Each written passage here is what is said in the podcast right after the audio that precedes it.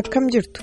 Afaan ingilishii hubachuu fi dubbachuun jireenya keessan awustiraaliyaa keessaa akka fooyyeffattan isin gargaara. Barmoonni isin afaan ingilishiin asirratti dhaggeeffattan akkaataa jireenya awustiraaliyaa fi akka itti awustiraaliyaan ibsamtu mul'isa. Yeroo dhaggeeffattanitti waa'ee awustiraaliyaa ni barattu. Itti gammaddu. Akkasumas dandeettii afaan ingilishii keessanii ni fooyyeffattu yookaan ni guddifattu.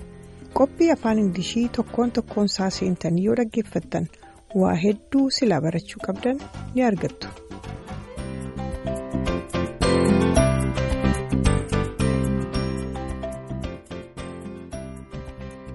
The cost of petrol at the servo nowadays. What about Victoria? Melbourne has a particular rule called hook turns. The purpose of this kind of turn is to keep the centre of the road free for trams so that they can move more easily. So basically, when you're driving in the city centre, where there are trams, you need to use the left lane to turn right wherever you see the hook turn sign. Honestly, it sounds more complicated than it is. Well, that's good to know for my trip to Melbourne next month. What about you, Chris? Any plans for a road trip soon? Definitely. We're hitting the road as soon as the school holidays start. We'll probably head off to Tasmania, perhaps somewhere off the beaten track. Sweet. I can't wait for all your stories then. Thank you, Chris. And now it's time for us to revisit some expressions we used in this episode. See if you can answer my questions before Chris. Backseat driver is.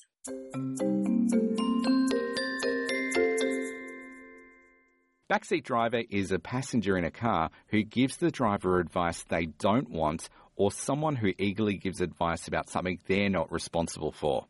What is excess?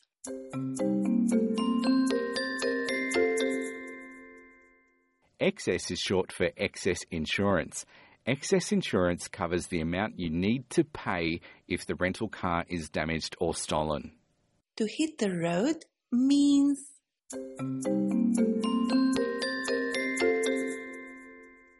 To start a journey, to leave a place. We heard a few useful expressions we can use when picking up a rental. I booked online and I'm here to pick up my rental. I am the sole driver of the car. I want to opt in, opt out of paying extra to reduce my excess. I'd better hit the road to beat rush hour. And we also heard a few useful expressions we can use when dropping off a rental.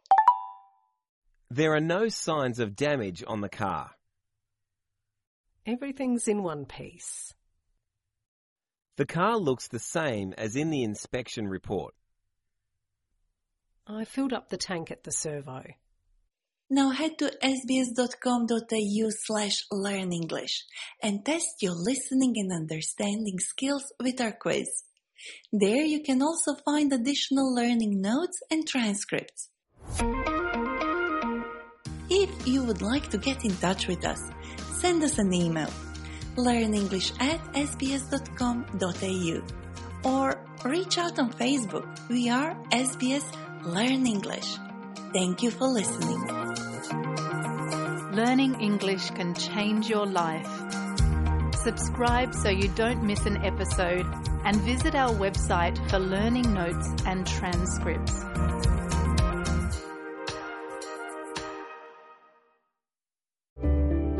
Need a few minutes to reset?